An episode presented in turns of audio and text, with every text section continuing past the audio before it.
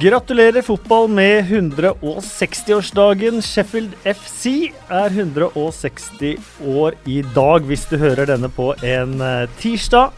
Farvel til Ronald Coman. Hvilke andre managere slår følge? Klopp ble senket av The Hurricane Team. Hvor forsvant Manchester United, og hvem baksnakker Mesut Özil? Og er Sean Daish den eneste som vil filming til livs?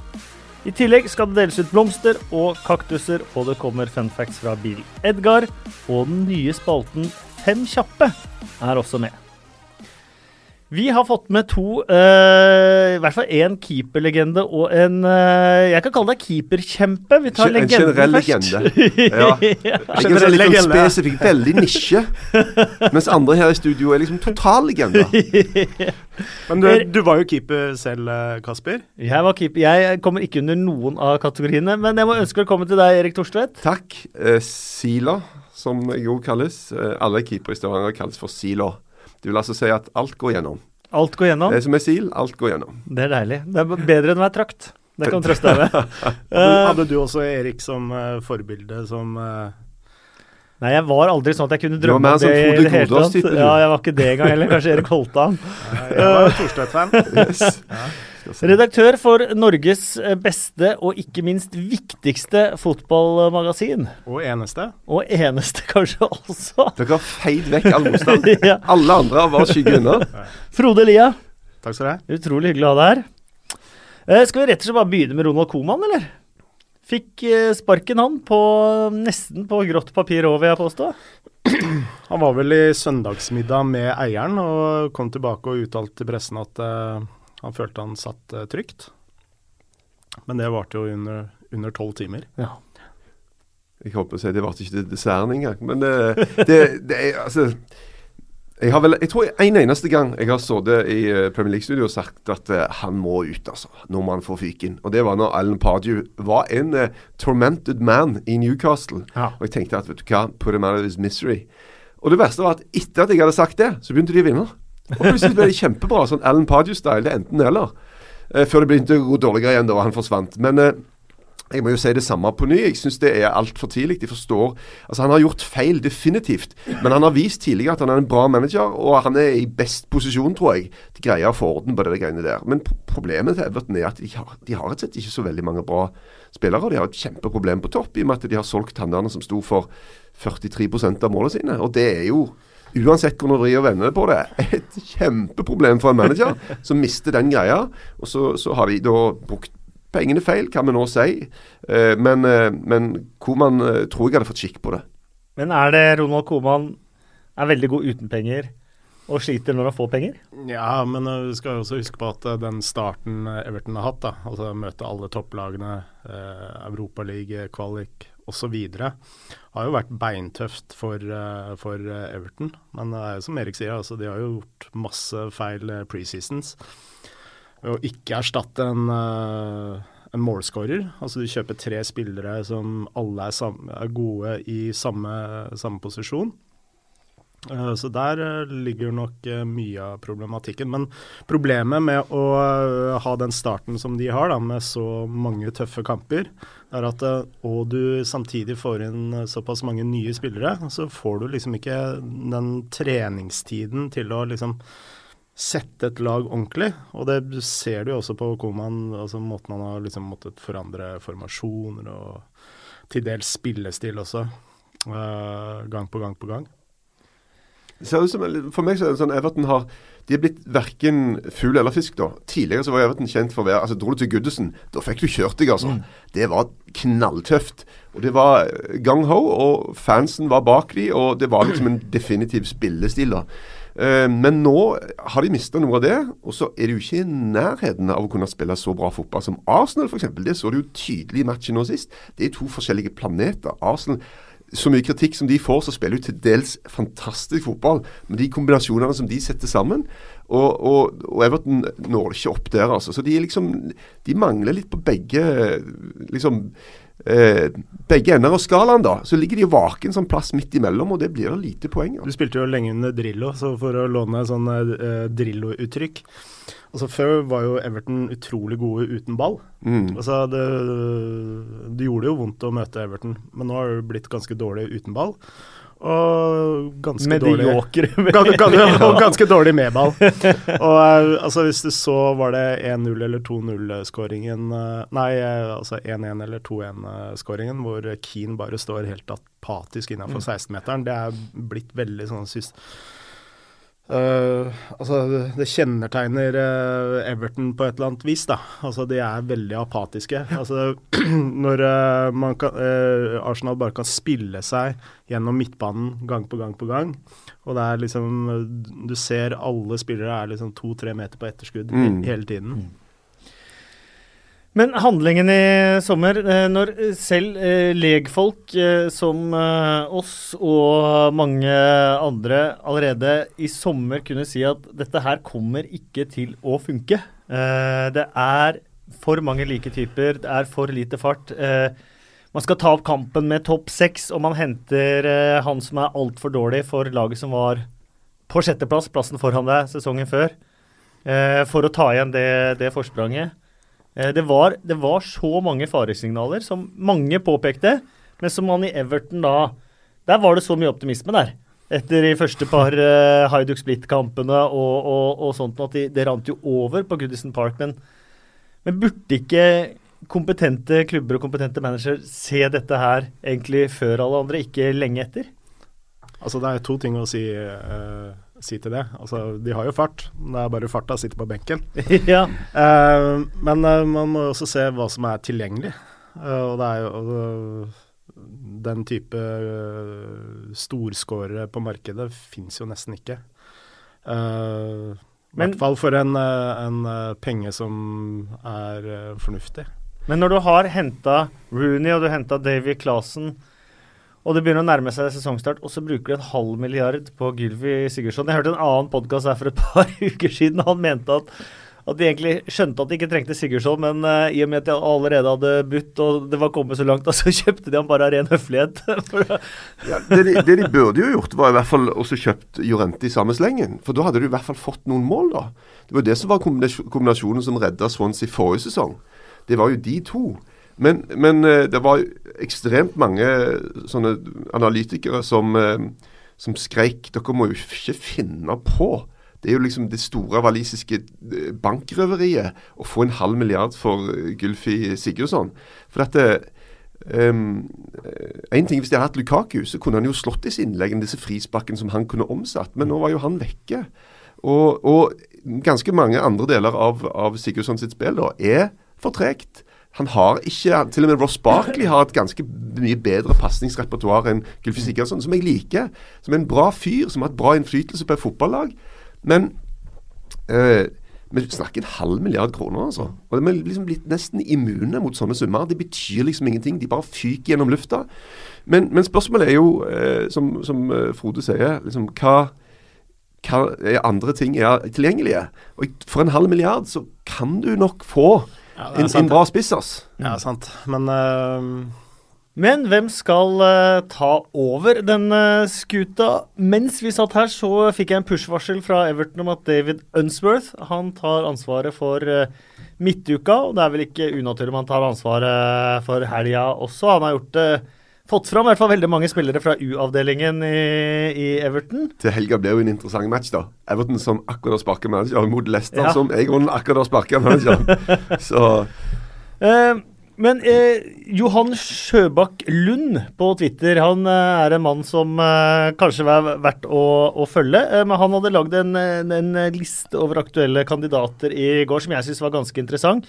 Eh, baksiden av Daily Mirror i dag så melder de at Thomas Tuchel er den som står aller øverst på lista. Eh, problemet med han er jo at Jupp Heynckes har Bayern München fram til neste sommer. Og det er mange som spekulerer om den jobben står klar til Thomas Tuchel da. Eh, samtidig så kan Everton tilby en jobb nå, sikkert, og masse penger å bruke med de nye eierne sammen med Bill, eh, Bill Kenwright. Eh, men han er i hvert fall øverst på lista nå. Men for en tysker, altså Everton mot Bayern München er jo liksom Nei, Altså, er ikke- det er jo ikke en fight jo- engang. Nei, og det sies jo at uh, det er en ganske dønn deal òg. Med Bayern. Så, Ja. Mm.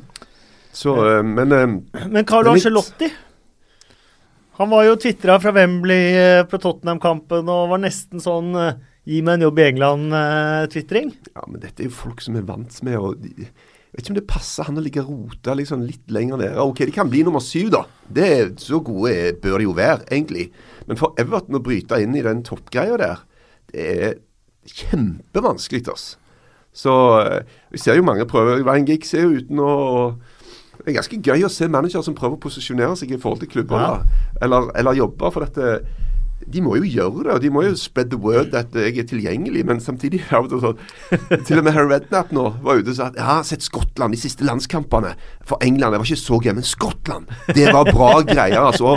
Og uh, Gordon Strachan har jo gjort en bra jobb, altså. For det er en vanskelig jobb, men gjort en bra jobb. og han, Jeg tror ikke jeg er aktuell, men men det blir en bra jobb for den som får det. Ding, ding. Uh, og, men, men jeg tenker altså jeg tenker umiddelbart litt sånn back to your roots, tenker Sean Dyche, jeg da. Eh, men eh, igjen, altså Hvorfor skal han velge å forlate Burnley, som han har gjort en kjempejobb med, og som har vist seg lojale mot han? De rykka ned med Sean Dyche. Han fikk beholde jobben, han tok de opp igjen. Han, han får lov til å bestemme enormt mye i den klubben. Og Så går han til Everton, der forventningen er helt annerledes. og Så taper du en del kamper, og så får du fyken. Altså I Burnley så, får, så, så har han stabilitet. Han har, kan se langt fram, da. Så jeg, jeg tenker at eh, jeg er litt usikker på om han vil det. Selv om han får mer penger. Definitivt. Jeg veit ikke hvorfor, men jeg ser for meg en, uh, en eller annen X-spiller. Uh, brite. Ja, det virker som de uh, mm. Det er britisk hvis ikke det er Tuchel, Ja. syns jeg også virker som. Kanskje få opp uh, England-statistikken i Premier League. Nå uh, er det vel bare fem uh, engelske managere i Premier League.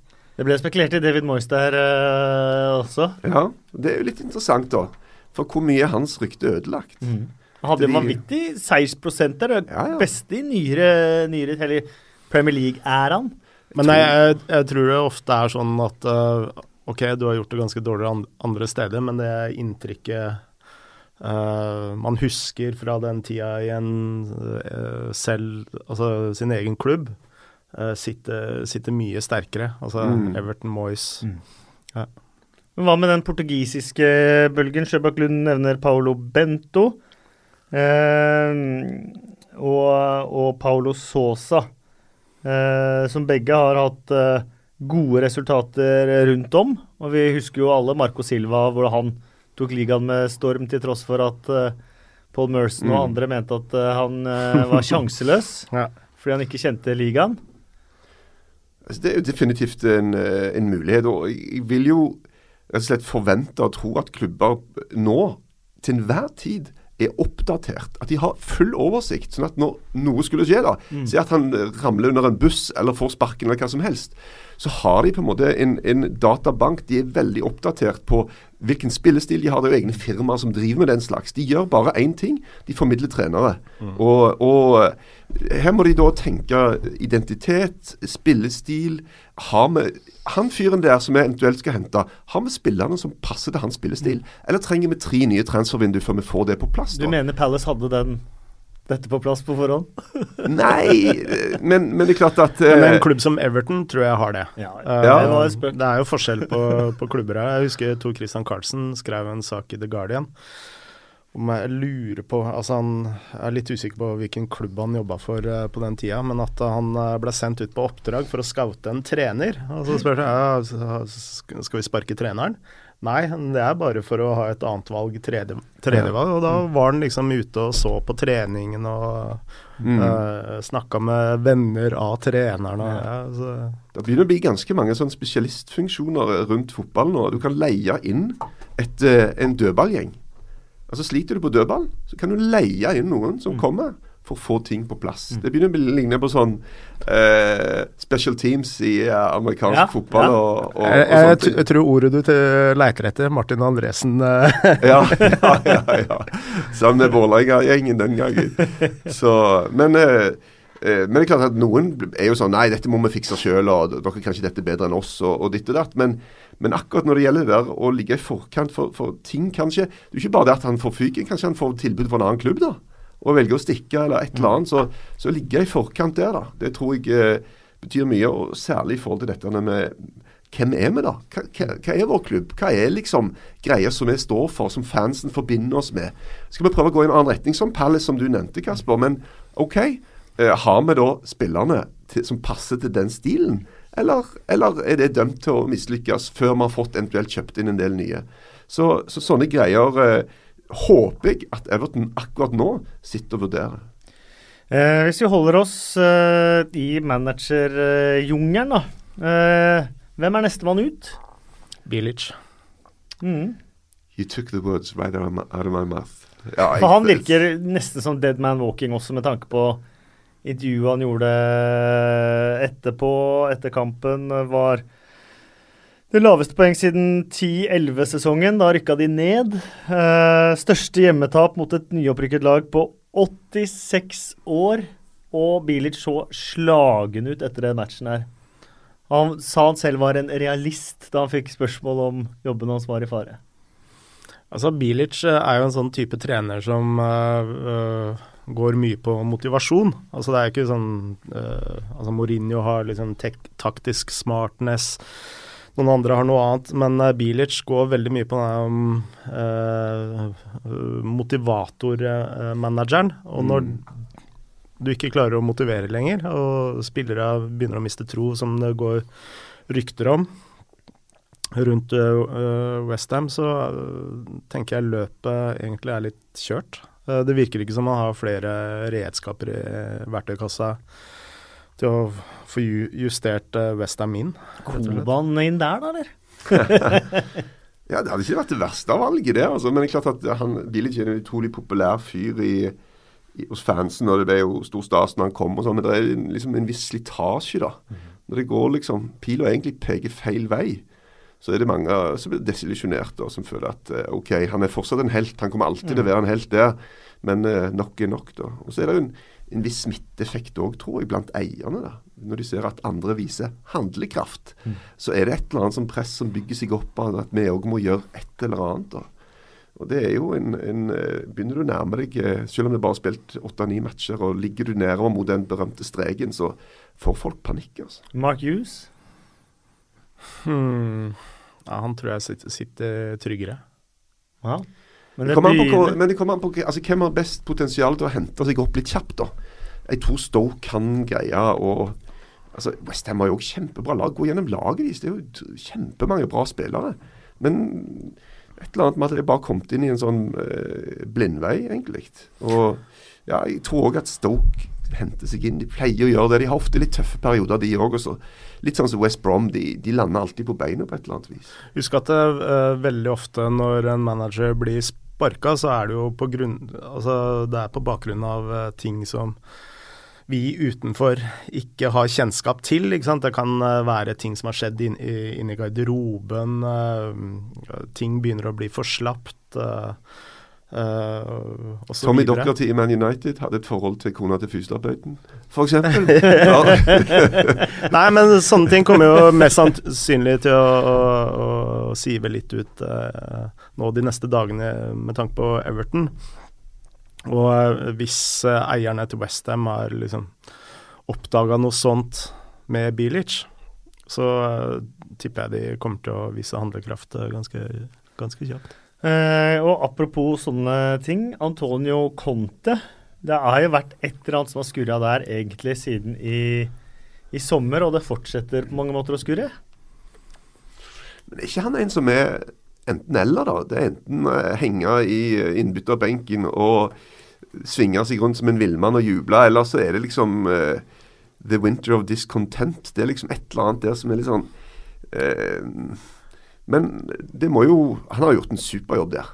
Altså det er jo helt, Komme inn første sesongen og feie motstanderbanen mm. som han gjorde, vet du hva, det er jo helt supert. og det, Vi må tolerere et litt slark. Uh, og men det minner litt om Juventus om igjen. da. Ja. Altså Det er veldig mye klaging på uh, eiere, direktører, transfer-vindu. Og det blei jo hans bane på mange måter i, eh, i Juventus. Så mm. det er eh, Altså, han stiller jo utrolig høye krav til omgivelsene sine, og da også oppover i, i, kjeden på en helt annen måte enn veldig mange andre managere gjør, som går mye mer stille i dørene. Mm. Så, og Det tror jeg generelt er en ting som vi veldig undervurderer. Altså, det, vi, vi, tenker bare manager og spillere med nedover. men Ferguson sa jo at de viktigste for han var de som var over. Mm. Altså Det å ha bra eiere, da. Uh, det å ha folk der som du samarbeider bra med. og og sånn betyr ekstremt mye mer enn det vi, vi tror, da, for det preger managers hverdag. Det, mm. det, du er nødt til å forholde deg til det. Men det skal jo sies at uh, av toppklubbene så er vel eh, Chelsea altså de som har de sterkeste både eiere og direktører, og kompetente. Er det så, derfor de kan sparke mennesker, sparke mennesker og samtidig også bare hente trofeer? Ja, Det skal jeg ikke si for sikkert, men at Eh, det er få klubber som er drifta så proft som det Chelsea, Chelsea er. Altså Bare tenk på akademiet, eh, måten vi henter spillere på. Altså det å, å Når du henter uh, den sesongen de henta Diego Costa, f.eks. Henter det hotteste transfer-targetet, uh, det, det, vinduet, og likevel gå i overskudd, det sier noe om at uh, dette er ganske proft, proft drevet. Men Altså når maktforholdet mellom managere og eiere er litt skjevt, da. Uh, så klarer managere ofte å styre up the chain, som det heter. Men uh, det tror jeg ikke Conte klarer i Chelsea. Og da blir uh, Conte må ta til takke til det han får. Og da begynner han å, å surne litt, som du ser litt uh, eksempler på, på, nå. Og det samme skjedde i, i Juventus, og var litt av bakteppet for at han uh, måtte gi seg. Det jeg ikke klarer å forstå, da, er den sutringa på, på, stall og skader og tynn stall, og vi må ha den og den og den eh, inn. Når man ser hva eh, utlånsspillerne deres presterer andre steder, og, man, og, det går Man tenker at det faktisk kan gå an å holde to tanker i hodet samtidig. Eh, Tammy Abraham, Loftus Sheik, Kurt Zuma. Man sender de på lån.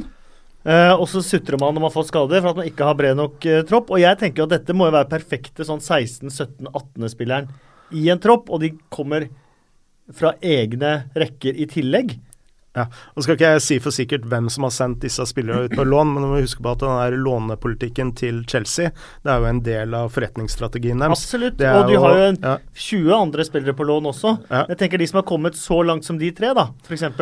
Altså, det må jo være perfekt å, å, å ha dem da som den bredden i stallen, ikke som noen bærebjelker i det hele tatt. Jeg ser Lukako, da. Altså, han var aldri tiltenkt uh, uh, som en uh, startspiller i Chelsea. Men hvor mye penger har de ikke gjort på, på Lukako?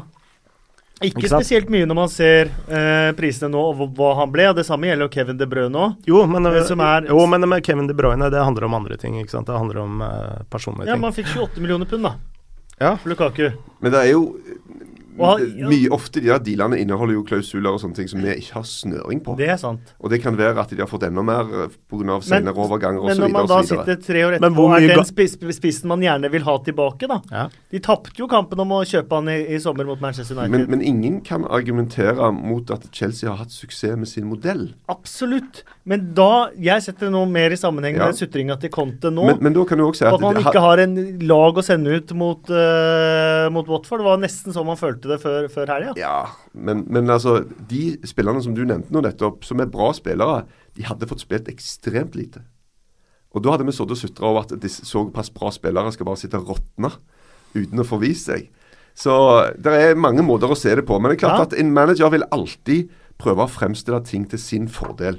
Jeg så en fin kavalkade på Mourinho og skader. Og så bare ja, det var sammen. veldig bra. Ja, veldig bra, altså. Det var liksom ikke måte på. Det bare ramla på om hvor lite spill han hadde, og hvor mye hendene hans var bundet i forhold til Men nå er liksom shots fired litt mellom Mourinho og Conte, da, før de skal møtes nå i, i november, med tanke på den derre alle andre managere bare sutrer, men det kunne ikke alle meg inn å gjøre.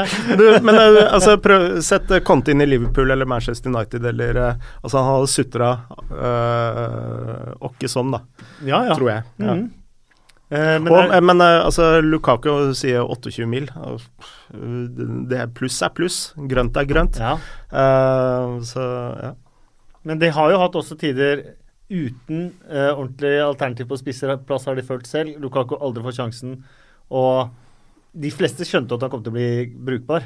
Jo, da, men der er, der er altså Hele fotballhistorien er full av feilvurderinger når det gjelder spillere. Det vil skje. Absolutt. Altså Det er bare sånn det er. Altså, det, og enkelte trenger et annet miljø for å lykkes. Et eller annet som ikke stemmer helt. Og så, og så altså når jeg var i, i Tottenham, så tror jeg vi var 43 proffer. Mm. Vi var fem proff-keepere. og Det var jo helt sykt med folk på trening. Og Eneste grunnen jeg følte, var at eh, de bare er livredde for at en eller annen fyr skal slippe igjennom, og så drar han til en annen klubb, og så blir han kjempebra. Så er de, eh, føler at de har blitt driti ut, liksom. Så jeg tror på å holde det liksom litt smalt, og det gjorde de jo. De brukte veldig få spillere forrige sesong. Da har de hatt litt mer problemer denne sesongen. Men eh, eh, manager som sutrer, vi må bare leve med det. Det kommer alltid til å være sånn. Noen har til og med Bobby Mims og velger likevel å hente norske keepere. uh, Huddersfield mot eh, Manchester United. Huddersfield uh, slo og ga José Mourinho hans første Premier League-nederlag for sesongen. Er det de kampene der som gjør at vi elsker Premier League? Det er vel litt sånn over, ja, ja, det skjer vel overalt, da. Og det skjer sjeldnere og sjeldnere i engelsk fotball. Ja, det Dette var jo et gigantsjokk. For at eh, de beste lagene har blitt så gode at de, de plukker eh, som regel de poengene der, altså. Så det er gøy når det ikke, ikke går sånn. Men eh, eh, Hvem sin feil var det? Var det spillernes feil, eller var det Mourinhos feil? altså, er det ikke noe som heter å, å vinne som et lag og tape som et lag, da? Eh, og så er det noen managere som er veldig flinke til å vinne som et lag, og ikke fullt så bra som de taper som et lag. Så, uh, men, men det er klart at det blir jo veldig mye fokus på dette med, med holdning og attitude og, og det der greiene der.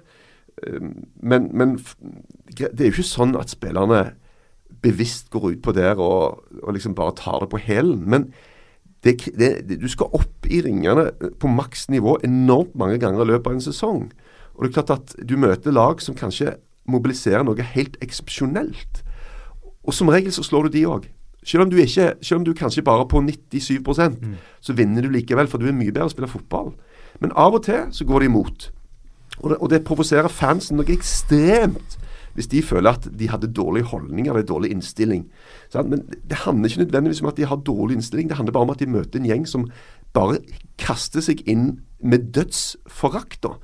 Og Av og til så blir det litt sånn tydelig når Einar prøver bare å spille sin vante fotball, og så møter de en gjeng som bare er helt spinngalne. Altså. Uh, og, og, og da blir det oppvask etterpå. Men, men uh, Men hva var det Drillo sa til dere før San Marino? Sa han ikke hvis dere går nå ut og gir 100% så vinner dere 100% sikkert. Men hvis dere slipper det litt ned, så kommer dere allikevel sannsynligvis til å vinne. Men da har dere åpna et bitte lite rom for at dette ikke går veien. Var det noe sånt han sa? Ja, ja, han sa til og med at hvis dere går ut på der og er veldig konsentrerte, så er det 97 sjanse for seier. Og Hvis dere går ut og tar det på hælen, så er det 91 sjanse Ja, for seier. Ja. Dere vinner sannsynligvis likevel, men kan vi ikke bare gjøre det riktig, da? Det er for at utrolig bra sagt. Ja, jeg følte det. For det det er utrolig mange managere som står og klapper i hendene og sier at må vi ikke undervurdere den gjengen her. Kom igjen, de er veldig gode egentlig. Og så sitter du der og tenker at ja, ja, OK. Så, men, men eh, jeg, jeg jo en, forventer jo en reaksjon, da. Altså Når sånne ting skjer, så blir det jo ofte litt sånn OK, nå må du brette opp armene neste gang. Og nå er det jo en heidundrende match i og med at Tottenham kommer på besøk. Og det blir stas å se hvordan det går. Det mentale er jo veldig undervurdert og altfor lite snakka om i, eh, i fotballen. Vi snakka litt om sånne ulike managermodeller, eller managertyper eh, tidligere. Og det var kanskje en av de tingene som var så utrolig imponerende med Alex Ferguson. Det var jo at det, det var en sånn jevn tenning der hele tiden. Eh, spilte du mot bunnlaget eller topplaget, så var de der oppe. Altså Det var aldri noe uh, slakk i valsen, som det heter. Men det er jo øh, De kom jo inn til den landskamppausen, skåra masse mål, vant de fleste kampene, hadde masse momentum. Dro til Anfield øh, egentlig for å få med seg 0-0. Eh, spilte defensivt, destruktivt. Eh, ødela de på mange måter momentumet sitt, enten i landskamppausen eller med den matchen på Anfield? Eh, er det sånn at man kan stille en bryter på et, på et, på et lag til nå skal vi angripe, nå skal vi gjøre det sånn, nå skal vi forsvare oss, nå skal vi gjøre det sånn, og nå skal vi tilbake til å, til å angripe igjen? Er det Mourinho, Mourinho har jo alltid hatt stor suksess ved å variere tilnærmingen sin. Ja. Kan gå inn sånn, sånn, pragmatiker. Sette det opp eh, Har ikke en, egentlig en filosofi. Har ikke noe Pep Guardiola-greier i bånn. Han er bare gjør det som kreves for å vinne, da. Uh, og det tror jeg at det kommer han alltid til å fortsette med. Og den, han fikk jo det han ville. Det Skandalen her er jo Huddersfield. Ja. Skandalen er ikke 1 0-0 på Anfield. og det har jeg forsvart. Sant? Jeg har både forsvart Ja, ja. han og kampen uh, med alt uh, som har vært verdt. For jeg mener jo at resultat eh, og eventuelt titler da til slutt er det aller viktigste. Men er det sånn at han ødela litt eget momentum, da, og lagets momentum med den kampen som er vanskelig å stille bryteren tilbake? Jeg, jeg syns det er rart å si han. Altså, det var jo ikke han som var, var utpå der. Men altså, når du nevner landslagspauser og Champions League, ikke minst, så er det jo, eh, det er jo døden for uh, topplaga. Og det er jo de lagene som klarer å henge med etter landslagspauser og Champions League, som eh, gjør, gjør den, eh, ofte den store forskjellen.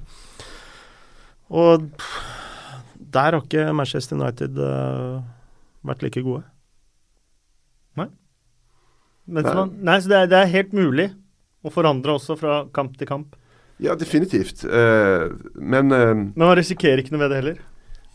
Nei, men altså, Fotballspillere nå til dags de er blitt så Se bare hvor mange, mye uh, formasjoner og taktikk endres. Og ikke bare fra kamp til kamp, men under kamp. Hele veien. De legger om fra tre til fire. De gjør sånn, de gjør sånn. Du må nødt til å være fotballintelligent, taktisk klok og uh, tilpasningsdyktig som fotballspiller i dag. Det er en del av hele pakken. Og Det å, å, å variere tilnærmingen, altså det har han alltid gjort. Eh, han har vært mye mer defensiv enn han var på Anfield. Jeg Ja, ja. rommet Chelsea til, til, til Emirates en gang. Altså Det var jo helt sykt. Det var jo seks bak, og de lå jo bare der og lot Arsenal holde på. Og det, Var det den kampen hvor jeg fikk gjennomgå han etterpå? Hvor han bytta ut Fernando Torres med David Louis med ti minutter eh, igjen? Det lurer jeg Og på. fikk på. du kjeft? Ja, jeg spurte om han fikk det han kom for. Å ja. Og da var 0-0. det var første gang jeg intervjua nå. Eh, Ja. Jeg fikk så gjennomgå at det var jo eh, Det er eneste gangen jeg har stilt et oppfølgingsspørsmål, eh, og jeg, nå tror jeg gjengir dette oppfølgingsspørsmålet ordrett. Herre, herre, og da skjønte han at jeg sleit, så da tok han Så- den litt sånn ro rolige Han hadde vel en kamp mot. Manchester United òg. Det var rett etter det, skjønner du. For, det, det som var, for jeg spurte jo liksom eh, Du fikk kanskje det du eh, kom for, 0-0? Og så bare var han stille i Jeg har fortalt det mange ganger, på, så hvis du har hørt det før, så beklager jeg. Eh, så var han stille i fem sekunder, kanskje, hvor han bare Why? Og da tenkte, jeg, da tenkte jeg på den matchen på, på Old Trafford, skjønner du, så da sa jeg ja, sånn som på Old Trafford eh, 0-0, eh, og da begynte liksom stotteriet å komme. Og han, igjen så venta han fem sekunder før han bare Why? Men når det første why kom, forsto du allerede da at du var i trøbbel? Ja. Så du har rett og slett blitt øh, utsatt for hans mind games? Men han var, eh, han var utrolig fair, og jeg må si at eh, egentlig at alle de andre episodene jeg har hatt i sånn postmatch, så må jeg ta han litt i forsvar da. fordi at jeg syns han var så fair som han var da. For, for det første spør han sånn Listen, Arsene Wenger, he was here now? Og jeg bare uh, Nei. Uh, he's coming here now? Don't know. You gonna ask him same question? Maybe. Uh, Ja. da, uh, men så uh, bare spurte jeg om noe helt annet, bare om det var bare safety-spørsmål og vurdering av matcher eller et eller annet, og da svarte han kjempelangt og fint på de to neste spørsmålene. Så fotografen sa det etterpå at he had you in the ropes, but you boxed yourself out of it, og det var jeg veldig egentlig glad for det der. Kan jeg, kan jeg spørre deg, hvem er den, altså, hvem er den kjipeste manageren du har intervjua etter kamp? Eh, Brendan Rogers. Brendan Rogers. Helt uten tvil. Å ja, på? Eh, på at han bare At man fikk den følelsen at bare Vet du hva, jeg gir så langt beng i det vi skal gjøre her nå. Uh, jeg la ut et bilde på Instagramen min eh, etterpå det, hvor jeg uh, står egentlig og innleder, og han står og studerer reklameskiltene bak. Ja, ja. Litt sånn demonstrativt. Det var litt det jeg følte det var. Du følte det var med i en episode av The Office? Ja. Fordi Vi har jo trukket litt paralleller mellom eh, ja. Ricky Gervais og han, da. Så Men det er noen ganger disse her er uh, ubehagelige, og så er det noen ganger de er tvert motsatt, hvor det er veldig, det må veldig jo ok, være ekstremt faktisk. resultatavhengig òg. Altså, hvis du taper en Premier Altså, du, du rykker jo nærmere sparken, kanskje. Mm. Så man kan godt forstå det. Jeg hadde jo Mourinho etter at han vant ligacupseieren Ja. mot uh, Tottenham. Men da fikk jeg den der kjipe fra presseoffiseren. Du får ett spørsmål. Eh, og ett spørsmål da, det, da håper man liksom at det ikke blir yes, thank you, goodbye. Uh, og, og du valgte litt originale 'Have you got a dog?' ja, men da, da svarte jeg faktisk med å svare i over to minutter. Så på ett spørsmål så ble intervjuet over to minutter. Da var jeg veldig veldig takknemlig. og da var Interessant han- at du nevner Brendan Rogers. Rodgers. Jeg husker jeg snakka med en eh, La oss eh, kalle det jobber i engelsk fotball. Man uh, forklarte meg forskjellen på managere som har hatt en spillekarriere, og de som ikke har hatt det. Og det er uh, de som ikke har hatt en spillerkarriere, de gjør alt for å eh, altså pushe seg sjøl Mm. høyere enn deg. Altså eh, Og Brennan Rogers var jo da, sånn apropos det, også Premier Leagues laveste manager. Det er jo, eh, apropos, altså, er ikke det et navn å nevne, da? Nå har han Jo, jo vært oppe i Skottland en stund. og Everton, liksom, han har gjort en superjobb der oppe. da. Jobb. Så er ikke det noe liksom også eh, Ikke sikkert Everton-fansen ville ha en tidligere Liverpool-manager, men, men det er jo en Uansett om han er kjip på intervjuer, så er det jo en mann som kan sitt fag. altså. Absolutt. Jeg syns han har fått for lite kred egentlig for jobben han uh, gjorde, og ikke minst jobben han egentlig gjør, uh, gjør også. Nå, Det er jo stats som viser at han har jo egentlig uh, gjort det bedre i Liverpool med tilsvarende antall matcher enn det Klopp Ja. faktisk har gjort. Absolutt. Så veldig, veldig undervurdert for, for den jobben. Vi, skal vi bare kvittere ut Huddersfield Manchester United med et par ord om stakkar Viktor Lindeløv? Ja, det Det er vondt, og det viser at Jeg tenker alltid at fotballag er en ganske skjør organisme. da. Det, det skal ikke så mye til før ting plutselig faller sammen. Det er ganske finstemt, det hele. Eh, og det samme gjelder egentlig fotballspillere. da. Altså at eh, eh, du, du er on top of the world, du er konge, du ruler, du blir kjøpt for en haug med penger. Og så skjer det bare et par små ting. En, en sånn fille treningskamp før sesongen, og så, så plutselig så er du liksom øh, Føler du at du er ikke verdsatt? Du er nederst på rangstigen. Øh, folk ser ikke opp til deg på samme måte som før, og så sprer dette denne usikkerhetsgreiene seg. Så, så jeg tenker at han har jo nå et Mount Everest å bestige hvis han skal bli en mann som, som den klubben skal satse på i mitt forsvar. Men potensialet er ubestridt, og det er mange andre som har hatt dårlige starter i Manchester United.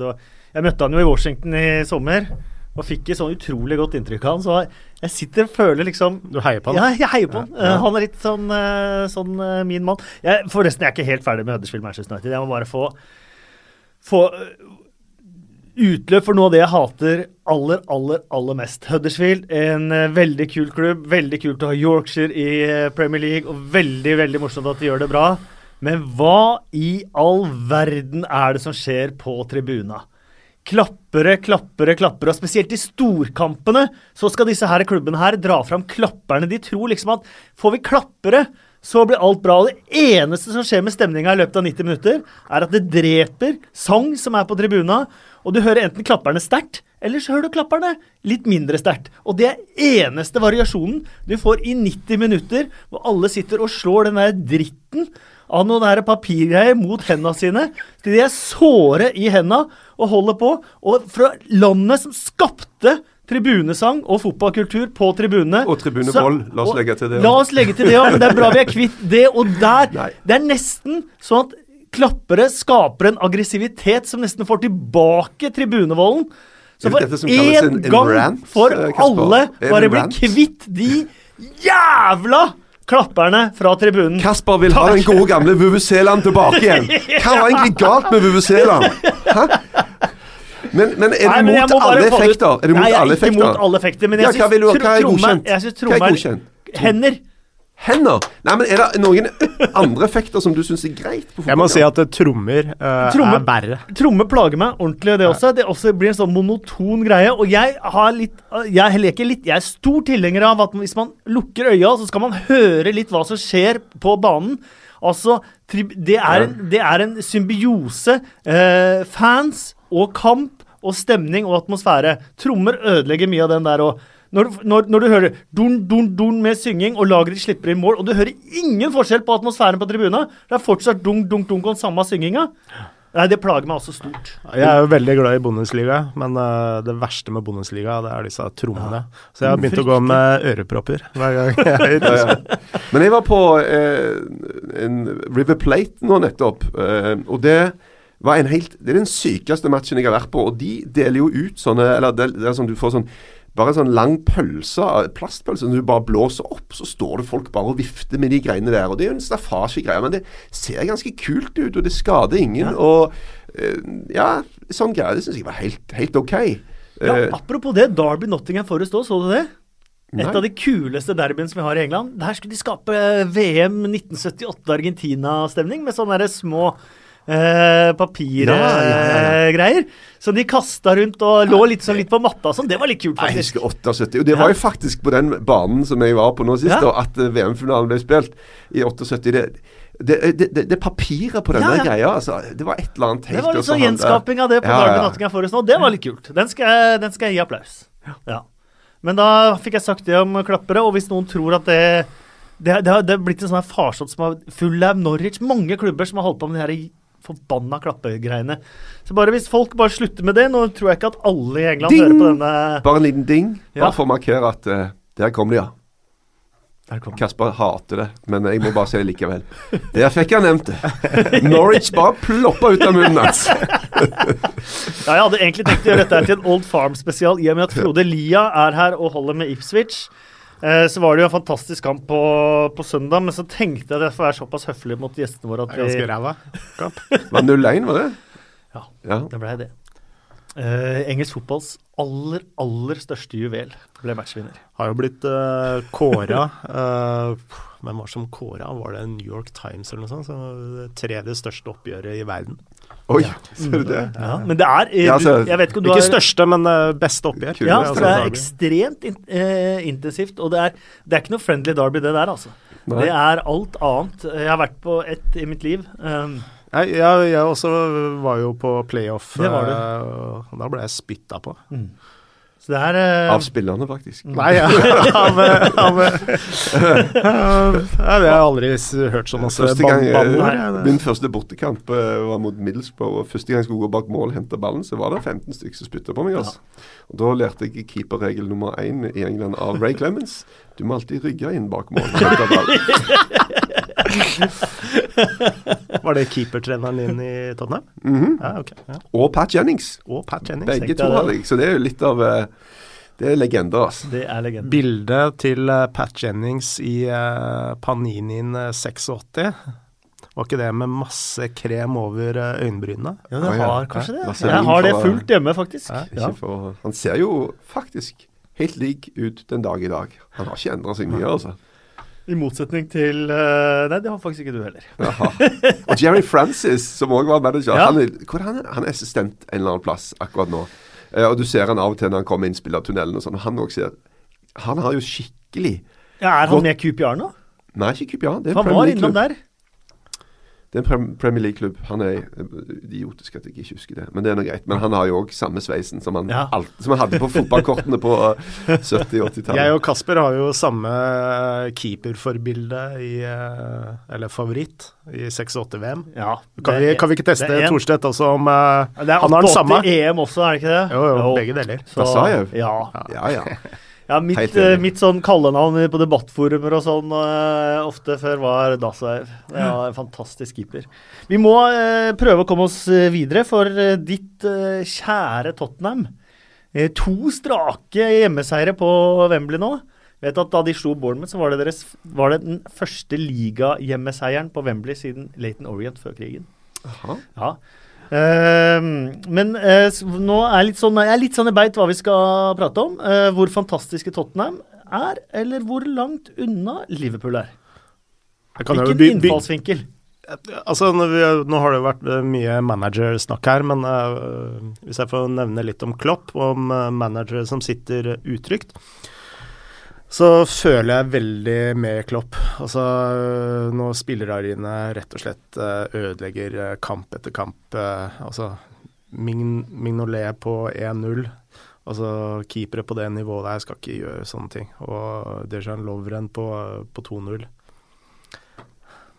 Altså, da det står du litt sånn handlings... Uh, Han hadde gjort det bedre inn i tilbake. trainers, sa vel Klopp eh, Jo, men samtidig er det jo en managers eh, ansvar å gjennom noen transfervinduer å få spillerne på plass uh, som han mener han trenger, og få coacha de og, til å, og gjøre en bra jobb. Og alle er jo enige om at eh, forsvar, forsvaret til Liverpool er jo ikke så bra som angrepet, men det er jo litt lett å skille de to så, så klart. da. Um, jeg tror det er en greie om at de er såpass tunge i måten de jobber på framover, at de blir ofte ganske eksponerte bak. da. Jeg så en sånn eh, Det er jo statistikker på absolutt alt nå, men, men hvor mange for, hvor mange egne spillere er det mellom ball og mål når motstanderen skyter?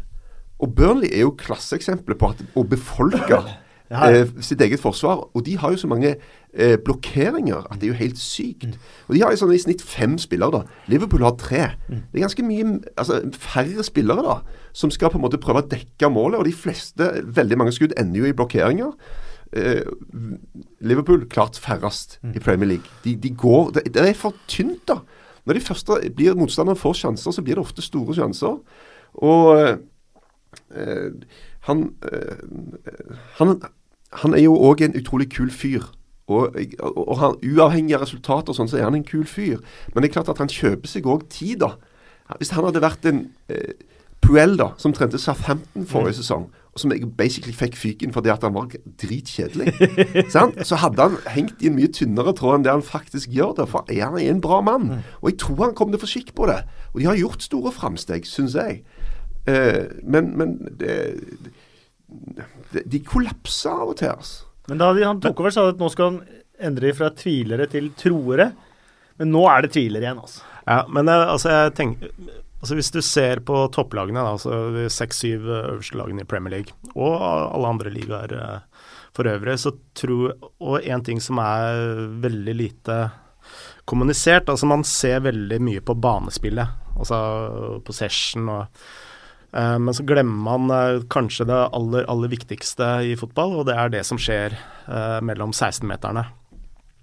Og da er det to nøkkelposisjoner, eller tre nøkkelposisjoner, som du må ha besatt for å, å, være helt på topp. Og det er en spiss, en keeper og to midtstoppere. Altså det er helt essensielt.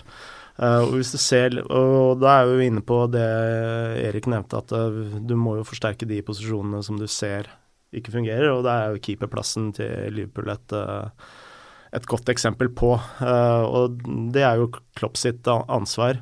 Men hvis man skal begynne å analysere på liksom, hvor skorter det på Liverpool, hvorfor er ikke Liverpool høyere opp enn det det er, så kan du ikke se bort fra keeperposisjonen. Uh, helt konkret, uh, og det er vel ikke en keeper som gjør flere tabber i Premier League enn det uh, Mignolet gjør akkurat nå. Men, nei, jeg så Stein Collemore skrev i dag at hadde Mignolet eller Karius spilt i championship, hadde ikke vært én eneste topp ti-klubb som hadde vært eh, lagt ut føler engang eh, for de to keeperne. Men da tenkte jeg på Danny Ward. Han var jo såpass bra i championship forrige sesong at det var mange som ville ha han.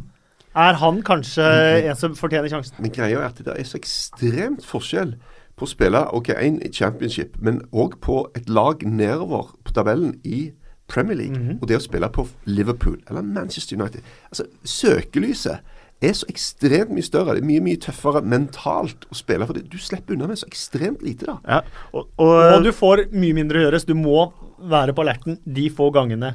Jo, og, og, det har vært en ting jeg har øh, vært veldig opptatt av. og Det er jo at keepere i toppklubbene blir ikke nødvendigvis uh, målt på toppnivå men de blir målt på bunnivå. Mm. Og uh, jeg trodde jo at uh, Arsenal ville ta store steg med Peter Cech uh, i morgen, og funka jo ikke det like godt. Men men Peter Cech var, han var jo altså, Loris, Det er sånne statistikker på ulike måter å regne ut og ditt og datt. og Loris var den beste keeperen i Premier League forrige sesong. og Peter Cech, ganske overraskende, var rett bak han eh, i forhold til sånn du kan, Disse expected goals kan du jo snu rundt og mm. begynne å snakke om ja, hvor mye forventer du at keeperen skal redde. da. Um, men jeg husker når han gikk fra Chelsea til Arsenal, så var det noen som sa at ja, dette er 12-15 poeng ekstra for Arsenal per sesong. Og sånne ting er jo bare rør. Mm. Det er jo ikke sant. Kanskje 3-4. Altså, men alle nesten har bra keeper, da ifølge Frode, bortsett fra, fra Liverpool. Men eh, eh, Nei, altså Manchester City hadde ikke en god keeper i fjor. Nei, nei, det var, ikke, nei. Og, og, og, der røyk City, tror jeg. Ja. Men så var det interessant å se nå, da. At hadde han stått nå, så hadde det sannsynligvis gått helt greit likevel. Jeg så at Ederson var den som har klart færrest redninger Ja av de som har, uh, har stort sett stått hele sesongen. Denne Jo, men altså, vi- hvis du ser på de poengene City uh, tapte med, med Bravo Mm. det, var, det var jo ikke fordi han uh, ikke redda mål. Det var jo på de uh, altså bunnivået som jeg nevnte tidligere. Altså, det var jo på tabbene. Ja, men jeg er faktisk ikke helt enig Nei, i det. for han at jeg syns ikke Bravo gjorde så mange tabber, men problemet var at han redda så sykt lite. Ja. Det som kom, gikk liksom inn. Når du står i mål i Premier League, så forventes det at du tar en del ting som kanskje i utgangspunktet til og med er litt vanskelig. Mm. Men jeg syns ikke så ofte at han rota det til sånn big time. Men han hadde jo en ekstremt lav Han redningsprosent. slapp inn 11 av 11 der en periode Ja, i januar-februar. sånn- og, og du, som sier, Han hadde vel tre-fire utrustninger Ja, eh, som var ja. uh, båndtabber. Men var- Eh, men eh, poenget mitt da, eh, er at eh, de keeperne i de toppklubbene eh, Det forventes at eh, de redder et eh, visst antall skudd. Men der toppklubbene ryker på poeng, det er jo på disse tabbene. Mm. F.eks. 1-0-målet til Tottenham eh, mot, eh, mot Liverpool. Altså, mål preger kamper. Og eh, si Liverpool hadde klart eh, 0-0 til pause, så hadde kampen vært noe helt annet. Mm. Ikke sant? Så Og eh, altså, hvis noen nevner 10-11-12 poeng, altså Ja, det høres veldig mye ut. Men uh, jeg tror at eh, keeperplassen gjør i hvert fall 3-6 poeng differanse. Ja, men Det kan jo være eh, 36 to- poeng differanse andre veien nå, hvis det er mye, mye tabber. Så det er liksom Det er vanskelig å si sånn. For Ederson nå, jeg, tror de fleste kunne stått bak og Manchester City hadde hatt like mange poeng, selv om jeg syns Ederson har vært veldig, har vært veldig, veldig bra. Og det, Ja. det er mange ting Det er jo bare kan bidra offensivt òg, da. Det er mange ting som ligger oppi denne keepergryta. Men eh, nå sitter jo jeg på, på tallene her, på hvem som eh, Altså, De tar da expected goals. så Hvor mange kan du forvente at de motstanderen scorer på sine avslutninger? Men det den expected goals-greia blir jo tatt akkurat i avslutningsøyeblikket. Så du må begrense det til det som treffer mål. Eh, og, eh, og så blir det òg lagt inn litt sånn Ja, hvor treffer ballen henne i målet? Og Da kommer du ut med, ut med en greie som sier om ja, eh, hvor mye forventes det at du skal redde, og hvor mye går egentlig inn. Og helt nederst på denne lista er mannen som lå øverst forrige sesong, Hugo Loris. Han har egentlig vært ut ifra den greia Han, det har faktisk vært litt rør, hvis du begynner å gå gjennom de kampene. Så de slipper ikke inn mye mål, men, men det har vært uh, litt mer enn det kanskje burde være. Men samtidig 0-0 Bournemouth. Kanskje Premier Leagues redning til nå eh, på Wembley. Nei. Hadde de tatt ledelsen 1-0 da, eh, og de fortsatt hadde den der i bakhodet om at Ja. her har vi ikke vunnet ennå og sånt noe, typisk en 1-3-poengsredning. Ja, øh, men den beste redningen jeg har til nå har De Gea Ja. mot Stoke. Eh, Ja, den var god. ja, på, ja, det var helt vilt. Men han, han sla, slapp inn på corneren. Men la meg bare, for å, for å fullføre hvem Ja. som har vært på andre enden og som jeg sier, Dette, her, det ligger, dette er jo bare en, noen tall, og du kan se på det på mange ulike måter. og Det ligger f.eks. ikke feltarbeid, distribusjon med bein og sånne ting. Men det går i grunnen bare på hvor flink du er til å stoppe skudd. Og David Gea har jo en supersesong, og er nummer to. Og dere greier aldri å gjette hvem som er nummer én. Nick Pope. Ja! Mm. Kasper Wikestad, altså. Men han har Men Burnley har, eh, i forhold til eh, hvor de ligger an på tabellen, og, eh, og, og poeng de har, og sånt noe, og mange skudd de har imot, så ligger de jo uforholdsmessig høyt. De, de, de Eh, pisser Men det på all, er statistikk. ja, nettopp, og det er derfor, litt derfor jeg også mener også kan man, at man bare skal ta mye av den statistikken, bare pælme i søpla, Mm. og heller se matchene og se eh, hvorfor det er sånn, framfor å bruke tall eh, på det. Fordi at han har hatt noen fantastiske redninger, Nick Pope, eller i hvert fall brukbare redninger. Men så er det det du var inne på i stad. De kaster seg foran, de tvinger skuddene fra 20 meter og ut. Ja, men eh, det har jo ingenting med han å gjøre, da. Nei. Eh, Eh, men den statsen som går direkte på han, Mm. for det har jo ingenting med, med Altså, blokkerte skudd er jo ikke med Nei, i den, jeg, ja, men, den eh, pakken. men Så, men, men igjen, jeg syns det, det er gøy. Det gjør det litt mer interessant. Men, men jeg er jo enig i deg. Altså, fotball er jo følelser Mm. og innlevelse og, og de tinga der. Men jeg syns sånne greier faktisk er litt kult å se, da. Mm. Eh, Men eh, altså, hvis vi drar psykologien inn i det og går tilbake til Liverpool, da. Altså, Liverpool har en mye mer altså, offensiv spillestil enn de fleste andre topplagene i eh, Premier League. Men uh, hva gjør uh, f.eks. hvis du tar tabbene til Mignolet og, og Lovren? Kan det være at uh, altså, hvis du ikke er helt trygg på keeperen din Det skaper en usikkerhet uh, i forsvarsleddet. hvis keeperen ikke er trygg på forsvarsleddet, altså det, det sprer en slags sånn usikkerhet. Jeg har hele veien følt at uh, Klopp egentlig vil ha Karius i mål. Og Så heiv han han inn, og så gikk det ikke veldig bra, så han måtte ta han ut igjen. Men han har jo spilt én match allerede denne sesongen, overraskende, rett før landslagspausen. Så heiv han jo inn og fikk han spille en match. Begynner på tribunen, ikke på benken engang. Ja, det var helt sånn merkelig. Og jeg tror nå kanskje at det kommer et bytte igjen. For at det, egentlig han tenker at OK, nå må du ta den sjansen og hive deg inn. Og så får du eh, får vi se om du er, er keeperen som, eh, som skal redde oss. Eh, og hvis ikke han får det til heller nå, så er nok eh, enig med Frode. Da er nok Liverpool ute på, på keeperjakt. Men eh, kan jeg spørre deg om eh, et tankeeksperiment, da. Liverpool med De Gea, hvor hadde de vært? Samme sted? Eh, nei, De Gea er jo en bedre keeper enn Mignolet, men, men klart at jeg syns jo at Joe Hart var en av de topp ti keeperne i verden når han spilte på Man City. Det er ikke mange som ville sagt at den Joe Harton ser nå på Westham er topp ti i verden. Så det avhenger veldig av du, Plutselig så havner du bak en gjeng som er usikre foran deg. De blir prega sjøl. Det er liksom litt mer ustrukturert. og men, men, at GA er bedre enn Mignolet, det er klokkeklart. Ja. Vi må, er, kan, bare en liten ja, ting. Ja, og det, det, er jo derfor jeg mener keeperrollen er så viktig. Da, for den, altså den psykolo, det psykologiske aspektet ved å skape trygghet er så viktig. Og det er den billigste måten for et lag til å forsterke seg kraftig. Mm. Eric Brook han brukte 494 kamper på å bli den mestskårende i Manchester Citys historie. Sergio Aguero han brukte 262 kamper på å skåre like mange mål, 177. Det er altså en fyr som har blitt toppskårer i Premier League, som hadde en dårlig sesong forrige sesong da han skåra 30 mål. Uh, som aldri har blitt nominert til årets spiller i Premier League. Som har vært på årets lag én eneste gang. Mm. Men som er Ja. Ja, nei, altså det er sånn hvis du, Nå vet ikke nå er han dyr og sånne ting, men hvis du driver med sånn fantasy-opplegg, og liksom hvis du har Aguero utpå hele veien, så det blir mye poeng av det. Altså. Uansett. Det er enkelte sånne spisser som du må bare si at OK, du kan ha perioder der det går litt tregere, men når du regner opp til slutt, så blir det bare så sykt mange mål av det. Og han er bare totalt verdensklasse, altså. Uh, Fenomen, spør du meg. altså. Helt vanvittig spiller. Ja, men så blir han litt sånn Så kommer Harry Kane, da. Ja. Local lad. Engelsk mann og skårer masse mål. Og så blir det liksom litt sånn Harry Kane-eufori. Og så Jamie Vardy. Og så plutselig så kommer Gabriel Jesus, da. Ja. Og så plutselig var det sånn Wow, er, hæ? Ikke Aguero på laget engang? Det er sånn merkelig. Så, men nå har de jo funnet en bra måte for de to til å spille sammen på, da. Selv om de, de veksler litt og bytter, men, men det, viser, det funker jo med de to samtidig. Jeg må bare si at dette er ettårsdagen fra Jamie Vardy ble nominert til Ballon d'Or. 24. oktober i fjor. Jaha. Det er bra du har oversikt på den slags, Kasper. Syk, syk mann.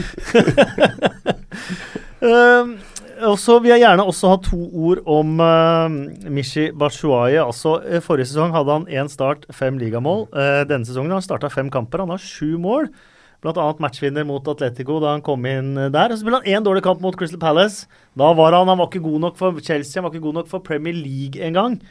Uh, og uh, dere som er på Twitter, så var det en fyr som sa han skulle spise sin egen bæsj om Bachuayi kom inn i den matchen og, uh, og avgjorde for Chelsea. Uh, Bachuayi svarte på den tweeten 'bon appétit'. ja. uh, men han, jeg syns, jeg syns, Du kan si hva du vil om Mishi Bachuayi, men jeg syns stort sett han har levert de gangene man har sett i han. Ja, det Altså, eh, Man kan ikke forvente sånne, så mye mer nei, av en French-spiller. Er liksom, du, du, du legger en liste, legger lista så sykt høyt, og dette er en fyr som hadde stor suksess der han spilte tidligere. Og så er du liksom eh, Så er du nummer to. Sant? Og du skal, du skal lykkes veldig mye, da. Du skal virkelig levere når du kommer inn, for at folk skal tenke på deg som en som faktisk mm. skal starte. Akkurat som spranget derfra er så enormt stort, da. Men er han en første spiss? Det er liksom det som er spørsmålet hele veien. Uh, og det, det, er bare én ting å gjøre. Du må skåre mål, og du må levere. Og det er, som du sier, det er jo en merkelig greie hvor han da går fra Konto har bestemt seg. Han skal ut! Til at han plutselig bare står der og kan vise Ja, men se hva jeg gjør, da. Mm. Se hva jeg leverer. Mm. Uh, Mesut Døsil, um, det har vært uh, spekulert mye om han. Han var virkelig tilbake på Goodison Park. Eh, så kom avisoppslagene om at han er utsatt for en svertekampanje. Mener at han ikke har snakket kontrakt med Arsenal siden mars. Ikke fortalt noen lagkompiser at han vil til Manchester United. Og at han heller ikke har krevd 300 000 pund i uka. Øh, Han har sikkert rett i det, men agenten hans uh, Ofte er det jo sånn at uh, agenter snakker, snakker, med eiere uten å ha informert spilleren òg. Ja, men vi hadde jo en nyhetssak i forrige uke om at han skal ha fortalt lagkompisene sine om at Manchester United i januar. Ja, men av og til sånn Hvor kommer det fra? Ja, ja, hvor kommer det fra? Det er jo sånn, det er jo så stort fokus på dette greiene at hver minste lille fillegreie havner jo på nettet et eller annet sted. Og mange tar det for god fisk. Og mye av det er bare rør. Mm. Det er ikke sant. Det er bare tull. Og når det står om lønninger og tilbud og ditt og datt, hvor har de det fra? Dette er ikke offentlig informasjon i England. De sitter bare ofte og bare tipper. Og overgangssummer og sånt er ofte så komplekse greier at hvis du går liksom og googler hva koster han, det er jo bare, det er knapt nok halve sannheten. Mm. Det kom jo fram eh, med, med Bastian Schweinsteiger, når det plutselig ble offentlig, at der hadde de jo løyet feil vei, da. Han var jo mye billigere enn det de trodde. De, de snakket opp summen bare for det skulle høres ut som han var en verdifull spiller, liksom. Så ja, nei, engelsk presse må man bare ta med en uh, det klype, kly, Ja. klype salt. Altså, du hadde jo en, en ganske stygg historie om en norsk landslagsspiller i, eh, i England og en sånn utroskapssak som bare var oppspinn fra ende til annen. Så, ja. Mm, men uh, Mesut Özil er jo kanskje den som uh, altså splitter folk mest, av en eller annen grunn. Eh, Har han uh, dra-til-tryne? Hva er greia? Er det kroppsspråket? Er det, er det det at han er en sånn litt sånn kjempegod teknisk, men han er ikke det mest fysiske? Er, liksom, er det den engelske mentaliteten som krasjer med Mesut Özil? Men, men jeg syns jo han er fantastisk bra fotballspiller, og han får altfor mye drit. Og det kan godt være at i bortekamper som mot Chelsea, at du skal ta han ut og hive på inn på jerngjengen istedenfor. Det er fair, det. Men i ekstremt mange kamper så er det han som er med og avgjør at Arsenal vinner oss. Var ikke dette første kampen med Øzil eh, Sanchez eh, sammen? Og Lacassette. Ja. De spilte sammen ja. på Anfield uten Lacassette. Altså, de gikk jo bare gjennom eh, Ja. Everton. Uh, klikk, klakk, klikk, klakk. Flest målgivende pasninger i Premier League siden han uh, debuterte. Uh, Dyche eh, var veldig hard mot Rajif uh, Vandla Parra. Var veldig hard mot Bernardo Silva nå i, uh, i helga. Det eh, har jeg litt mindre sympati for, for jeg syns den straffen var klar. Eh, men han uttalte da også at han er den eneste som er opptatt av filming i eh, Premier League. Er han det? Dommerne bryr seg vel litt. Dommerne, kanskje? bryr seg litt. Nei, det, det mest interessante med den eh, kampen der uh, syns jeg var at eh, Eller ikke mest interessante, men eh, altså du hadde jo den pasningen til Kevin De Bruyne. Uh, rundens prestasjon. Men uh, at eh, Manchester City skårer på corner mot uh, Ja, Otamendi stiger opp innimellom. Ja. Mm. Ehm, men er, men Ja. er det for lite fokus blant managerne på filming? Som synes- mener, er han en, altså- i, på et ensomt korstog? Jeg vil si uh, brannfakkel, det var verre før. Det var filming. Det har alltid vært filming. Og en prøver å fremstille det som før. Det var reale spillere, det. Det var fair play. Vet du at Før alle disse kameraene kom, folk slapp jo unna med det. De kasta seg i hytt og pine. Det der greiene der er bare rør. Eh, jeg mener, selvfølgelig skal du ta filming, men du ser òg ofte at det går andre veien. En midtstopper som hakker ned en spiss, og så står han over spissen og skjeller han ut etterpå for at han har kasta seg et eller annet. Så ser du reprisen. Det er jo klokkeklart. Så ja, vi må ta filming, men jeg syns ikke det er det. Og nå har de jo gjort et eller annet med det. da. Nå, har de jo lov til, nå kan de jo ta folk i etterkant. Sant? Det var en spiller fra tiltak. Carlisle som ble den første som Ja. uh, fikk smake, smake den. Uh, Chris Huton. Nå har jeg hørt dette i mange år. Hver eneste pundit, hver eneste match of the day, rah, rah. Chris Huton doesn't get the credit he deserves. Får han ikke krediten han fortjener, eller er det bare folk sier det istedenfor å faktisk gi han den krediten han fortjener?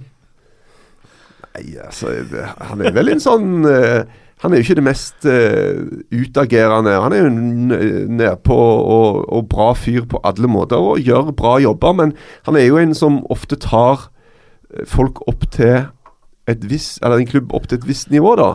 Men klarer han å stabilisere Brighton nå, så i Premier League så det er en superprestasjon. Superprestasjon. Apropos fil filming, kan jeg spørre Erik et uh, spørsmål? Ja. Hva er den uh, største filmeren på det norske landslaget når du spilte? Jan Åge. Ja, ja selvsagt. Og Geir ja. Fikk ikke han en landskamp eller to, han òg? Ja, men jeg hadde jo en greie. Jeg ble jo utvist uh, mot Polen en gang. En ganske viktig match. Og da kom match Roger Nilsen hjemme. og sa det var meg, det var meg, det var meg. Å å ja. Uh, og så uh, Ja, og så kompenserte jo Jan Åge etterpå da med å kaste seg i en eller annen situasjon og få en polakk utvist. Sånn at det utligna seg bitte litt, da. Jeg var på den matchen, Så- jeg husker det godt. Jeg, husker, jeg Ja. tror det var Roger Nilsen som løp rett til dommeren ah, ja. og sa det var jeg som gjorde det, det var jeg som gjorde det, det var okay. ikke Erik. Hvor ja. kompis? ja. Men det kunne ikke være noen tvil om at det var jeg som gjorde den greia det der. var, jo, fordi jeg, nå husker jeg ikke, nå sto jeg i VG-svingen, og jeg tror okay. ikke sikkert før jeg begynte med linser òg, så jeg så litt dårlig alltid da jeg sto i VG-svingen. Italia-kampen fikk jeg bare med halvveis, og begge måla ble skåra på motsatt av der jeg sto. Ja. Men jeg mener å huske det at det var Han polakken kom gjennom, og det var både forsvarsspiller og deg involvert. Og Roger, Roger Nilsen løp til dommeren for å si at det var, eh, så han det var ville han som ville for, ta røde kortet ditt. For, for Så jeg vet ikke om han gitt han blomster ennå. Men tilbake til Chris Huton. Jeg tror det har veldig mye å si med øh, personligheten hans. Altså Han er veldig forsiktig. veldig Og det er jo litt sånn øh, som Capello sa til Zlatan, at respekt er noe du tar, det er ikke noe du får. Eh, og der går Chris Huton veldig stille i dørene. Vi, Apropos blomster, så må vi dele ut uh, ukas uh, blomsterbukett. Og etter det så skal vi få uh, Bill Edgar-fun factsene, så det er bare å glede seg til det. Det var moro å se på. Morata var kjempegod. Hva i all verden? Er. Han snakka ikke om seg sjæl, han snakka om dommeren. Er det noen dere har lyst til å gi blomster fra, fra uka som har gått, eller vil dere ha mitt forslag? Ja, Tenker du på spillere, altså Premier League? Absolutt Ja, alt. Alle kan få blomster. Ja, altså to mål på Murray. Ja, Eh, det var han som var mitt om, eh, forslag òg. Ja, ja. Og mm. der har jeg et spørsmål. Begynner han å få litt mage, eller? Han ser ja, har litt sånn alltid pub... sett, han har alltid sett litt pub ut, da. Ja. Han, han begynner i hvert fall å få litt hår. For ifølge Brede Hangeland så har han foretatt Han hårtransplantasjon. har det, ja. ja, for det har vært tynt i Hyssingen der en stund. Ja, så Ja. den Og relativt vellykka òg, sånn hvis du sammenligner kanskje med Wayne Rooney. da. Men av hans 174 skåringer før eh, matchen på fredag, så var 11 av de bare i Premier League. Så det er på tide han skårer litt i, i Premier League. Og i hvert fall da fire av de borte mot Westham. For jeg kommenterte Westham Crystal Palace for et par sesonger siden, og da skåra han også to. Deilig 1-0-skåring, da. Ja, Eh, fantastisk. Det er typisk Glenn Murray-skåring òg. Um, vi kårer jo alltid en ukjent helt. Uh, Men, men uh, Skal skal, ikke jeg få gi noe blomster? ja, vi var to Skal stykker som ville ha Glenn Murray, men uh, kom med ditt forslag, Erik. Beklager. Nei, ja, men da er det en Jeg har merket meg at det er en som kanskje ikke får eh, nok ros, da. Uh, Chris Huton. Vet ikke om dere har tenkt det. Så tenkte jeg skal kanskje gi det han, da. Han får, han får en blomst fra buketten til Murray. og han klager aldri på det. Nei. Eh, den ukjente helten fra runden, der har jeg egentlig lyst til å komme med min, uh, mine kandidater. Og det er assistentdommerne Mick McDonagh og Stuart Burt. Uh, 1-0-målet til eh, Leicester mot eh, Swansea. Nå var de assistentdommere på hver sin side i Swansea mot Leicester. Eh, det er en ball som Jeg vil påstå at 99 av 100 assistentdommere hadde vinka for at den ballen var over dørlinja. Ikke disse karene her. Halve ballen kun var over. Riyad Mares holder ballen inne. Smeller ballen inn. Fernandez skårer selvmål. Mm. Eh, han andre assistentdommeren eh, Ikke offside på Leicester sitt 2-0-mål. Også en sånn typisk sånn motsatte bevegelser. Eh, assistentdommere safer seg inn, får opp flagget. Jeg tror det var på en millimeter onside. Eh, så de to får ukjente heltkåringen av eh, meg. Mhm. Hvis ikke dere har noen andre kandidater. Um, det er en jeg føler burde vært litt mer framme i rampelyset, og det er Chris Huton. uh, han er nok et ukjent navn for ikke, veldig mange. får ikke krediten han eh, fortjener. da. Nei, gjør ikke han ikke det. Så, Jeg skal ha han i bakhodet til neste gang. men han har, Eh, hva var det du kalte han? Burt? Burt, var det? eh, Stuart Burt, ja. Ja, han trenger jo en oppreisning. For hvis vi spoler tilbake til ligacupfinalen forrige sesong, Manchester United mot Southampton. Southampton var kjempegod, men Ja. United var dritdårlige. Eh, Etter 14 minutter så skårer Gabbiadini et mål som er klokkeklart Mm. onside. Men vår venn på linja, opp med flagget. Det kan ha kosta matchen, altså. Også tenk at Erik Thorsvedt sitter her og kaller meg en syk, uh, syk mann, uh, når det hodet der er uh, Selv med den derre søkket inn, mye sykere. Eh, vi må gi en kaktus, og her er det faktisk eh, mange å ta. Mm, som følger to PL-pod på, på Twitter, de eh, konkurrerer om eh, å gi Lovren og Lindeløf eh, kaktuser. Men jeg tenker liksom at man må De det må få kjærlighet. Ja, det kreves noe annet Ja, ja, enn at du bare er dårlig. Eh, så jeg har et par kandidater, så kan dere få, faktisk få velge. Uh, Kabay for taklingen på Jedlin. Vi kan eventuelt si dommeren Atwell, som ikke gir Kabay det røde kortet. Så hadde vi det ballesparket eh, fra Begovic på Chupo Moting, helt på, på slutten der. Uh, og så har vi Lee Probert, som da lar han slippe unna. Om vi har savna Lee Probert i årene han har vært borte fra Premier League, det er en helt annen diskusjon. Eh, men dere skal gjerne få lov til å gi en kaktus uh, der, altså. Jeg må, må si, Kasper, det var dårlige kandidater. Mm. Oh, ja. Ballespark bør, eh, bør ikke være nok til å være på denne lista. Det kreves litt mer enn det, da. Så Har du en kaktus du heller har lyst til å gi? Ja, men nå øh, Altså, jeg ekskluderte dere dårlige øh, prestasjoner, da, men jeg Ja. ville jo ha gitt en til Mignolet. Men Ja, men det er, jeg føler det er ærlig å være Verden er full av dårlig, bare ikke keeperhatere. kjip, det er liksom. Ja. ja, Og så er det litt å sparke nedover. Ja, det er noe med det, altså. Ja. If in doubt, blame the goalie. Det er en gyllen regel. Hvem får kaktusen? Skal vi gi den til Stuart Atwell, eller? Siden linjedommerne fikk ukjent helt, så gir vi dommeren en kaktus? Nei, jeg vil gi den til den uh, norske programlederen som uh, mista noen papirer. Uh. Ja, dere kan gå inn på min Instagram, uh, faktisk, for det var, eh, det var litt eh, morsomt. At Endre Olav Osnes var i eh, England i helga. Han var på Goodison Park. Og så sitter jeg og ser Match of the Day 2 på, på kvelden her, eh, hvor kommentatoren da eh, kommenterer de arkene som ligger på banen. Mens Everton Arsenal uh, spiller og sier at 'this is commentators notes'. Thankfully they're not mine. så jeg sendte melding til Endre Olav. Uh, blåste noen arkene dine av gårde går i dag? Han bare 'ja, hvordan visste du det?' Nei. Yes. Jeg lagt ut det videoklippet på min Instagram, så du kan gå inn er der. TV2. Vikestad heter jeg der. eh, og så kan dere høre da BBC-kommentatoren kommentere Endre Olavs ark som ligger og blåser mellom beina på fotballspillerne. Der. det, hvilken formasjon gikk disse arkene ut i? Var det tre bak, eller var det Var i midtsirkelen. Det var Det i midtsirkelen. det lå, lå ark der, ja.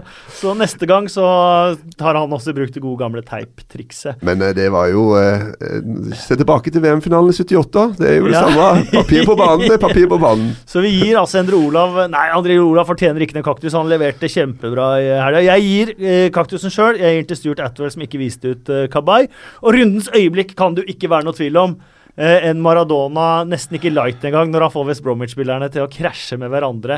Ja, Sofian. Buffals uh, scoring mot uh, West Bromwich. Ja, det- Vanvittig scoring! 70 meter løpen. Ja, det, er- men, men selve prestasjonen hans kommer helt i skyggen av krasjet Ja. til våre to venner i West Bromwich. Det er helt slapstick. Det, er- er helt fullstendig. Altså, du blir helt fascinert av å se på.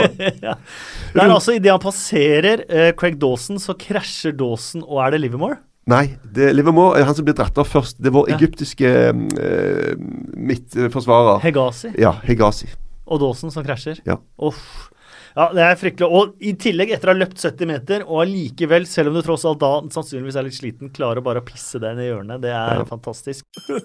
Arsenals syv siste. Aldri skjedd. Første gang siden er den sjette spilleren. Fun factsene til Bill Edgar. Vi skal ha Bill Edgars eh, fun facts. Eh, for de som ikke vet hvem Bill Edgar er, så er altså det den galeste mannen i The Times. Han er eh, Juva, Vikestad, Torstvedt og Svea på speed. Han kan fortelle om at sist gang begge Mercyside-lagene slapp inn fire eller mer på samme dag, bortsett fra da de spilte 4-4 mot hverandre, var på Steve Bruce sin bursdag. Tilfeldig? Tilfeldig. Eh, New Year's Eve 1960 var, uh, var sist gang det, det Ja, eh, skjedde. bursdag, altså fødselsdag Når han ble født? Ja. Samme dag han ble født? Ja. Ok. Ja, Ja. ja, ja For det er vel ikke det samme som bursdag? Nei, det er kanskje ikke det. Fødselsdag. Ja. Det er også ja. Fødedag. Fødedag. Bruce, Den dagen Steve Bruce ble født. Ja. Ja. Eh, det er helt uh, korrekt. Uh, Hull denne sesongen, eh, inkludert eh, eh, treningskamper, så har de bare slått lag på B. Bristol Rovers, Benfica, Burton, Bolton, Birmingham og Barnsley. Kult med Eh, Benfica inni der, da. Liksom mens de har bare tre- Benfica. 13 kamper som ikke har startet på B, og ikke vunnet noen av dem. Igjen tilfeldig? I don't think so. Det er en høyere makt som styrer disse tingene. Eh, det er det. Og så har han jo selvfølgelig eh, Han er veldig glad i navn og sånn, så han har David Moyes og Moy, uh, som senket eh, da Apropos Manchester United og hvor dårlig det, det har gått. Men men så hadde vi en eh, en her som jeg da uh, Wembley. 80.827 tilskuere. Det er den tredje høyeste i ligahistorien. Uh, mellom som så Tottenham-Liverpool. Den mest besøkte er Manchester United mot Arsenal på Main Road, faktisk. I 1948. Oi. 83 200. Eh, og Chelsea-Arsenal på Stamford Bridge i 1935 hadde 82.900. Det er de to eneste ligakampene i England som har hatt flere tilskuere enn den på Wembley Mm. I, i helga. Eh, det var Bill Edgar for eh, denne gangen, eh, tror jeg. Bortsett fra, ja, Huddersfield Town.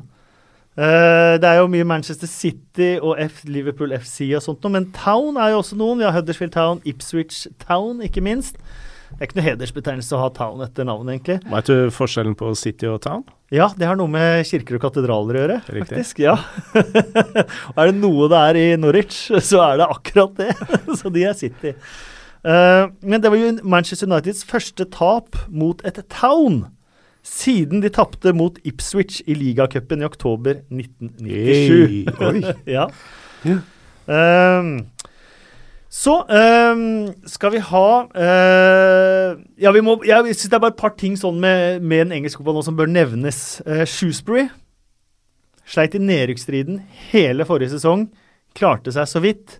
Er altså sammen med Manchester City det eneste ubeseirede laget i det engelske ligasystemet av 92-lag. Ja, nå har de vært gode, altså. Ja, nå har de vært gode. De har 37 poeng, og de har over 10 poeng ned til under streken. Mm. Uh, og det er stort sett samme laget, samme manager. Eller manageren kom inn og redda dem forrige sesong. Eh, var tippa helt i bånn. Topper nå, altså. Ti poeng til understreken? Eh, til Til playoffen, da.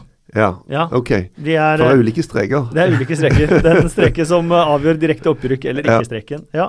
Wolverhampton, Premier League neste sesong. Skal vi bare slå fast det med en gang? Nei, Nei, vent litt, da. det hadde vært, uh, det hadde vært stas, da. Men uh, Leeds gikk jo tøft ut, og så har de uh, stoppa bitte litt opp. Ja, så slo de Bristol City 3-0 Ja. i helga. Samu Sais plutselig våkna igjen.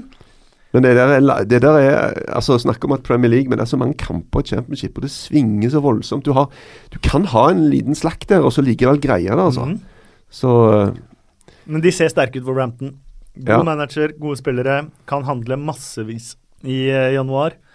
Eh, kinesiske eiere og Jorge Mendes til å styre spillelogistikk. Da, Ja. da er du et stykke på vei. Ja, det er jo et eh, eksperiment som har fått mye drit òg. Mm. Men eh, nå er jo ting på stell, så eh, Men hvordan med han der Jeg har ikke fulgt så mye med. Hvordan har det gått med han der portugiseren som var så Ruben Neves. fantastisk som plutselig skulle spille i Wolverhampton? Kaptein i Champions League som 18-åring for Porto. Han har vært meget, meget bra. Og så har de fått tilbake Helder Costa fra skade. Championships beste spiller forrige sesong. Han har vært eh, god. Han eh, Spissen Bonatini er det han eh, heter. Han eh, har vært så god at de skal nå kjøpe han permanent, for han var jo bare på lån. Ja. Litt sånn som Helder Costa da de, de henta han. Det Veldig, er veldig godt. det som er litt med championship, da. Altså Plutselig har du liksom eh, seks-sju spillere ute med skade, og så plutselig bare rakner det i februar. Og, ja.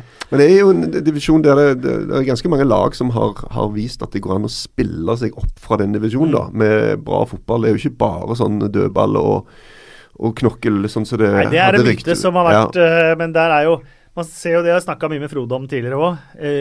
eiere av ulike nasjonaliteter som eh, ansetter managere av ulike nasjonaliteter med ulik fotballkultur. Så det gjør den ligaen veldig interessant sånn sett. Det kom jo Eh. veldig sånn under bankkrisa.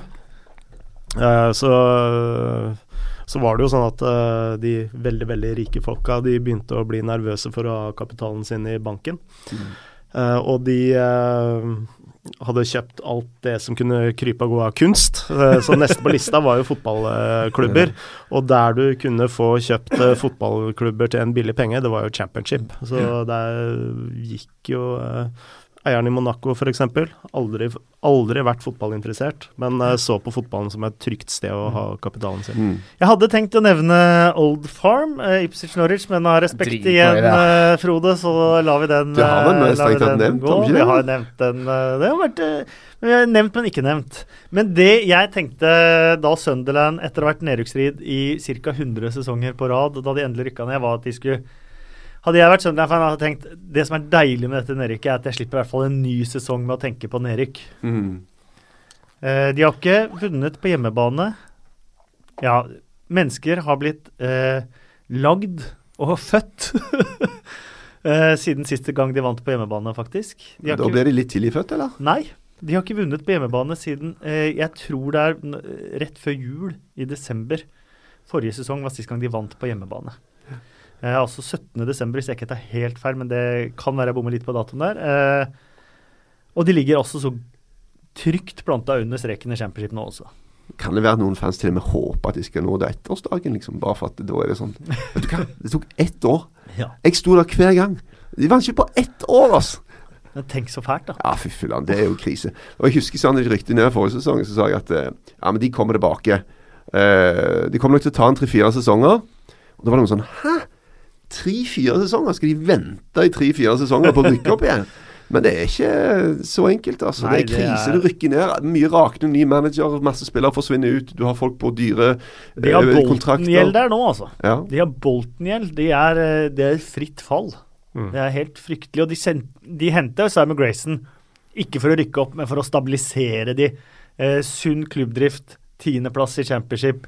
Kanskje rykke opp da om tre-fire år, sånn som du, eh, du sa, men eh, ja, de har én seier i år. Det er å komme på Carrow Road.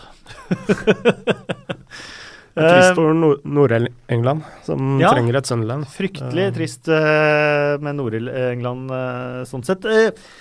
Helt på slutten nå, eh, Frode og Erik, så skal vi komme med den nye spalten som heter Fem kjappe. Den har jeg eh, med glede rappet fra You'll Never Talk Alone, eh, podkasten til Rasmus Wold. Vold, ja.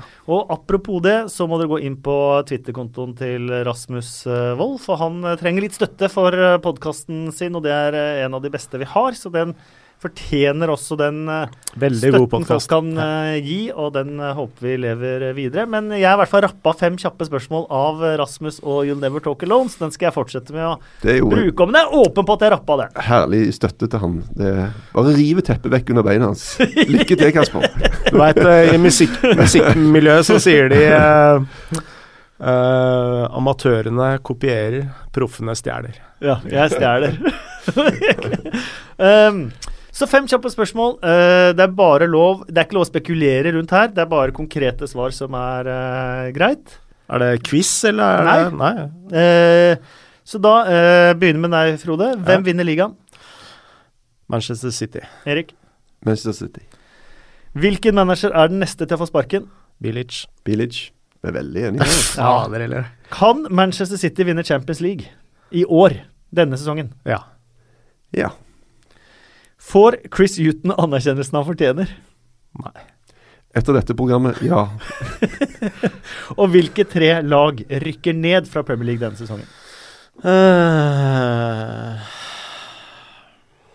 Hvilke tre lag uh, uh, Palace, Swansea og Brighton. Swansea, Everton og Brighton.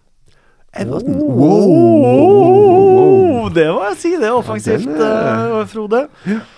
Um, det var det vi hadde for denne gangen. Frode, tusen takk for at du kunne komme. Bare hyggelig. Erik, tusen takk for at du kunne komme. Takk for at jeg fikk komme. Hvis du som hørte på likte episoden, så setter vi jo selvfølgelig stor pris på om du gir oss en rating i iTunes, og gjerne komme med en liten kommentar også. Det setter vi alltid pris på å lese. Og gjerne følg oss på Twitter. Vi heter 2PLpod eh, der. Og så håper jeg at du har en fantastisk uh, uke, og at eh, laget ditt vinner både i ligacupen i midtuka og i runden som kommer til helga.